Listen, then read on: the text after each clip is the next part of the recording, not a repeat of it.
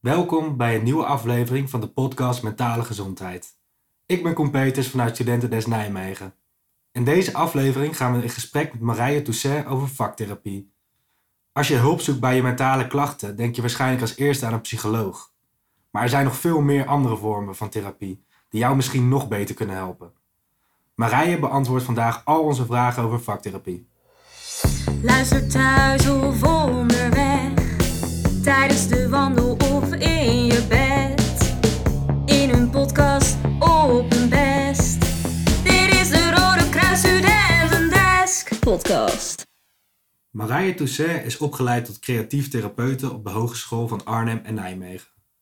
Ze heeft werkervaring als dans- en bewegingstherapeute en is gespecialiseerd in sociale weerbaarheid, waarbij ze veel ervaring heeft met jongeren met faalangst en sociaal-emotionele en agressieproblematiek. Welkom Marije. Dank Zeg je. ik dit allemaal eh, juist zo? Ja, helemaal goed. Oké, dan eh, en eh, vaktherapie is voor de meeste mensen nog een beetje een onbekend terrein. Zou je een korte introductie kunnen geven over wat eh, vaktherapie precies Ja, inhoudt? ik zal mijn best doen.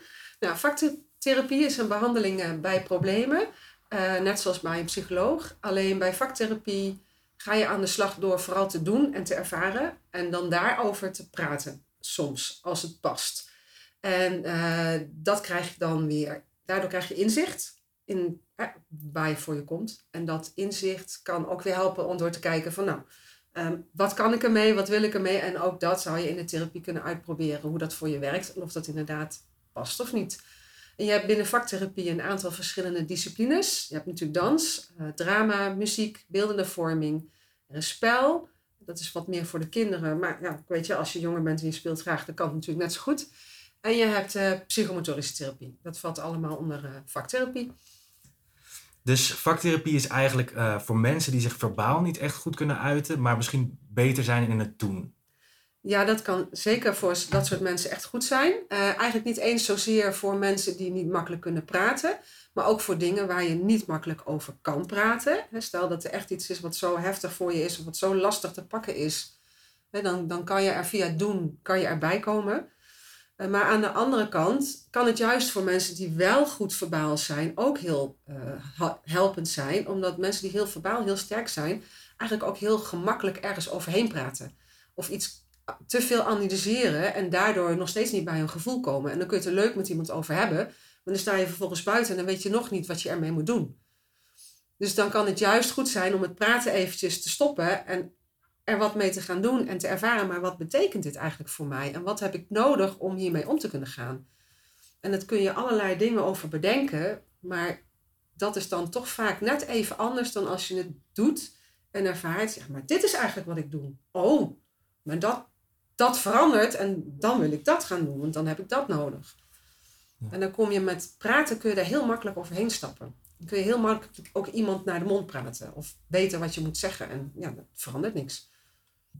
En eh, in, welke, in wat voor gevallen zou je nou eerder eh, vaktherapie dan aanraden dan meer traditionelere eh, therapie? Ehm, ik denk dat ik vaktherapie eigenlijk altijd zal aanraden. Omdat het voor iedereen wel iets zou kunnen doen.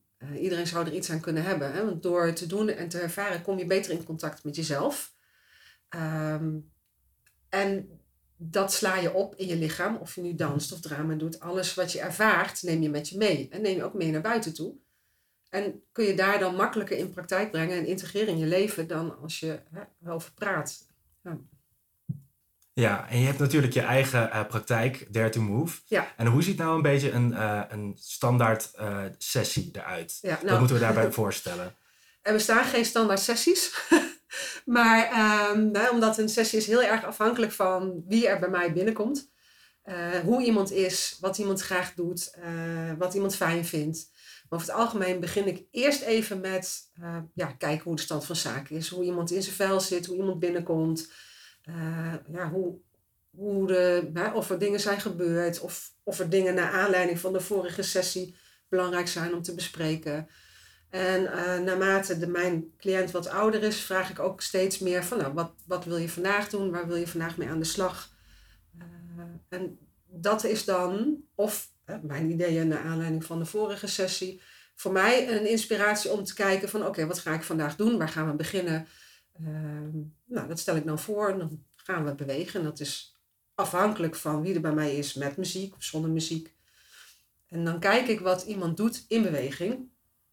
Wat ik dan vervolgens daar verder mee kan doen. Dus ik ben constant aan het observeren wat er gebeurt. Hoe iemand beweegt. Wat er in het lichaam, wat ik in het lichaam kan zien gebeuren. Om dan aan te geven van, joh, eh, ik zie nu bijvoorbeeld dat je ademhaling heel hoog zit. Kijk eens wat er gebeurt als je wat meer adem gaat halen, wat meer uit gaat ademen. En dat effect daarvan kan ik dan ook weer opmerken van, goh, oké, wat gebeurt er? Uh, nou, vaak voelen cliënten dan ook zelf een om schouders zakken. Denk, oh, dat is dan vaak ook te zien. Dus op die manier ben je samen, zeker met een wat oudere hè, jongeren of volwassenen, aan het sparren van, oké, dit helpt mij uh, bij dat stukje. Ja, en is dat dan uh, een dansroutine die jullie gaan doen? Of is dat gewoon vrij bewegen naar de muziek toe? Of? Het is eh, meestal vrij bewegen. Soms geef ik er wel meer een gestructureerde opdracht. Maar dat heeft dan meer met de structuur te maken of met een bepaald soort muziek die ik inzet, dan dat ik echt een danspasje ding voordoe. Ik ben helemaal niet van de danspasjes. Uh, ik onthoud ze wel als nodig is, maar voor de rest uh, verzin ik ook niks. Uh, maar meestal is het, ja, als het lastig is, dan vaak zeg ik dan ook van, nou joh, ik zoek een leuk muziekje op. Wat vind je fijn? Om, waar beweeg je graag op? Of wat vind je leuk om te horen? En begin eens met lopen door de zaal. En dan loop ik mee. Ik doe altijd mee. Ik laat iemand bijna nooit, uh, tenzij het past, om even eruit te stappen. Maar ik doe eigenlijk altijd mee. En soms zie je dan een huppeltje ontstaan die ik dan zelf ga doen. Uh, en dan van ik van, ik zie een huppeltje, misschien kun je daar wat meer in. Dus dan ontwikkelt het zich vanzelf. Dus je hoeft ook geen danservaring te hebben uh, of heel gemakkelijk te bewegen. Het gaat er vooral om dat we bewegingen zoeken die bij jou passen, die voor jou werken. En dan maakt het er echt helemaal niet uit hoe het eruit ziet. Dat is niet belangrijk. Het gaat erom dat jij plezier hebt en lol krijgt in wat je aan het doen bent.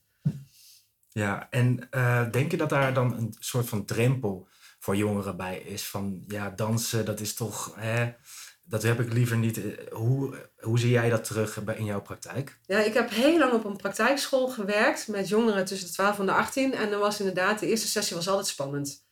Maar ik denk dat het eigenlijk niet uitmaakt of dat met dans is, of dat je met iemand in gesprek gaat, of dat je drama hebt. Kijk, op het moment dat jij met jezelf aan de slag moet, dan is er sowieso altijd spanning. En dan, dan gaat het erom dat ik iemand geruststel en een band met iemand opbouw en het vanuit vertrouwen doe.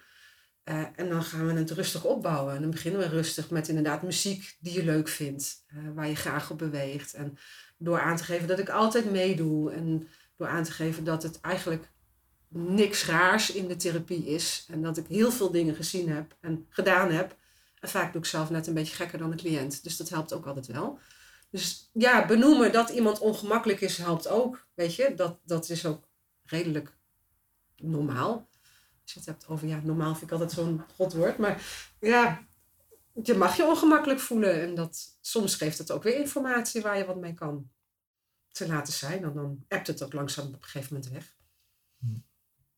En stel iemand vindt het dan toch nog te eng en weet niet goed of danstherapie echt goed bij hem past. Wat zou je dan tegen zo iemand zeggen? Nou, iemand mag natuurlijk altijd eerst met mij in gesprek uh, komen. En als het echt spannend is, dan kunnen we altijd kijken van, nou, past het inderdaad bij je? Of moet je toch een andere discipline die beter bij je past? En we hebben hier in Nijmegen een hele groep vaktherapeuten die in ieder geval uh, veel met kinderen tot 18, maar ook met oudere jongeren werken. Um, dus er is altijd wel een discipline die dan eventueel wel aansluit. Maar um, ja, wat ik ook vaak wel kan doen en ook wel doe met jongeren is van, nou, we gaan op zoek naar wat voor jou fijn is, waar jij plezier in hebt. Het hoeft niet per se dans te zijn. En dans is natuurlijk ook wel een begrip, zeker in Nederland, van oh, dansen moet op een bepaalde manier uitzien, moet op een bepaalde manier gedaan worden, op bepaalde muziek, met een bepaald soort pasjes. Er zitten heel veel normen omheen. Terwijl als jij met een beetje een verende tred al door de zaal heen loopt, dan kan het al dans zijn. dus door dan juist te zeggen van nou we gaan niet dansen, maar gewoon bewegen. En ik pak er ook ballen bij. Of uh, weet ik veel, met meisjes pak ik linten of ander materiaal. Kan de drempel sowieso wat lager worden. Ook voor iemand die zich ongemakkelijk voelt bij het idee dat hij moet gaan dansen. En uh, hoe bepaal je dan van, oh die past toch meer bij dans- en bewegingtherapie? Of deze persoon past meer bij dramatherapie, deze past meer bij muziektherapie. Hoe kom je daar achter? Ja, meestal komen degenen die bij mij komen, die hebben altijd wel een soort van affiniteit met of dans of bewegen of zoeken het juist op omdat ze zich uit hun comfortzone willen uh, komen en denken van nou op een of andere manier, ik kan het niet verklaren, maar ik denk dat dit mij helpt. Dus dat zijn de meesten die bij mij komen. En hè, stel dat ik daar een vraag over krijg. Je kunt gaan kijken van nou, waar ligt je affiniteit het meeste bij. Wat, je hebt net gehoord welke disciplines erbij. Wat denk je dat jou het fijnste lijkt? Ja, dat is bijna niet te verklaren of te uit te leggen. Maar het is ook een soort van gevoelsmatig iets van nou, deze. Of je gaat naar een bepaald persoon omdat dat fijn voelt. Omdat je daar prettig bij voelt. Dus ik denk dat je vooral daarnaar moet kijken. Oké. En uh, heb je misschien een voorbeeld uit de praktijk van hoe je iemand geholpen hebt met danstherapie? Uh, nou, ik heb een jong volwassene een keer uh, traject mee gehad. En die kwam bij mij en zij was eigenlijk helemaal afgesloten van haar gevoel. Letterlijk. Zij, hè, ik, ik, ik heb wel vaker jongeren of volwassenen die zo in hun hoofd zitten dat ze niet meer goed hun, bij hun gevoel kunnen komen. Nou, bij deze dame was, het, was ik zelfs eigenlijk wel een beetje onder de indruk. Want ik heb een blote voetenpad wat ik zelf heb gemaakt met uh, planken met steentjes erop. Of een, een plastic laag of een, een, een, wat is het, een handdoek of schuurpapier. Zodat je verschillende ondergronden voelt. En ze kon het niet voelen. En ja, toen hadden we allebei wel zoiets van, oké, nou weten we dus ook wat ons te doen staat. dus bij haar ben ik gaan kijken van hoe kun jij weer in contact komen met je gevoel. En dat, dat, nou, dat is wel een traject geweest. Dat gaat natuurlijk niet vanzelf. Uh, en dat begon bij, uh, ja, toch inderdaad muziek. Laat maar eens zien wat je gaat doen uh, als je muziek hoort. Want ze was wel van dansen en het disco dansen. Dus ze bewoog wel redelijk makkelijk. Ja, maar wat gebeurt er nou in jou als je muziek hoort? Waar voel je het bewegen? Dat was eigenlijk al een stap te ver. Dus ik heb hele kleine stapjes moeten maken. En gewoon een opdracht gegeven naar thuis. Van nou, hè, ze at graag toetjes. Of zo, weet je, eet die toetjes. En kijk eens tot wanneer je het voelt. Tot waar je de, een ijs, het ijs kan heel koud zijn in je mond. En, nou ja, en daarna als je te snel doorgaat, uh, doorslikt, voel je hem naar beneden glijden. Dat soort dingetjes um, zijn mee aan de slag geweest. Hè? Opdrachten die je dan toch thuis kan doen. En in de sessie ook gewoon met, met letterlijk aanraken van je handen. En, en voel je de druk uh, op je handen. Uh, om toch een beetje het wakker te krijgen. Het gevoel weer wakker te krijgen. Door goed op de grond te staan of door op de grond te leggen. En dat heeft dan niet zo heel veel raakvlakken met echte dansen. Maar het zijn wel de, de voorbereidende ja, oefeningen, min of meer om dat wel meer te gaan doen. En, muziek pakken die echt raakte. En, uh, of in ieder geval iets deed. echt raakte, dat, dat was eigenlijk al een stap te ver, maar iets deed. Nou, dan in beweging komen erop, kijken wat er gebeurt. En wat wil je lichaam nu? Er steeds meer wakker voor worden. En dat is uiteindelijk wel gelukt. Dat ging steeds beter. Dus, uh, heel interessant. Ja, ja het was ook een interessant proces om te volgen. Ja. Ik vind het bijzonder om dat mee te maken, ook als therapeut. Iemand ja, dat doet. Snap ik. Oké. En uh, het is je waarschijnlijk niet ontgaan dat uh, steeds meer jongeren uh, kampen met mentale klachten. CBS publiceerde laatst een artikel dat 26,6% van de jongvolwassenen psychisch ongezond bleken te zijn in de eerste helft van 2021. Zie jij, zie jij deze verandering ook terug in jouw praktijk?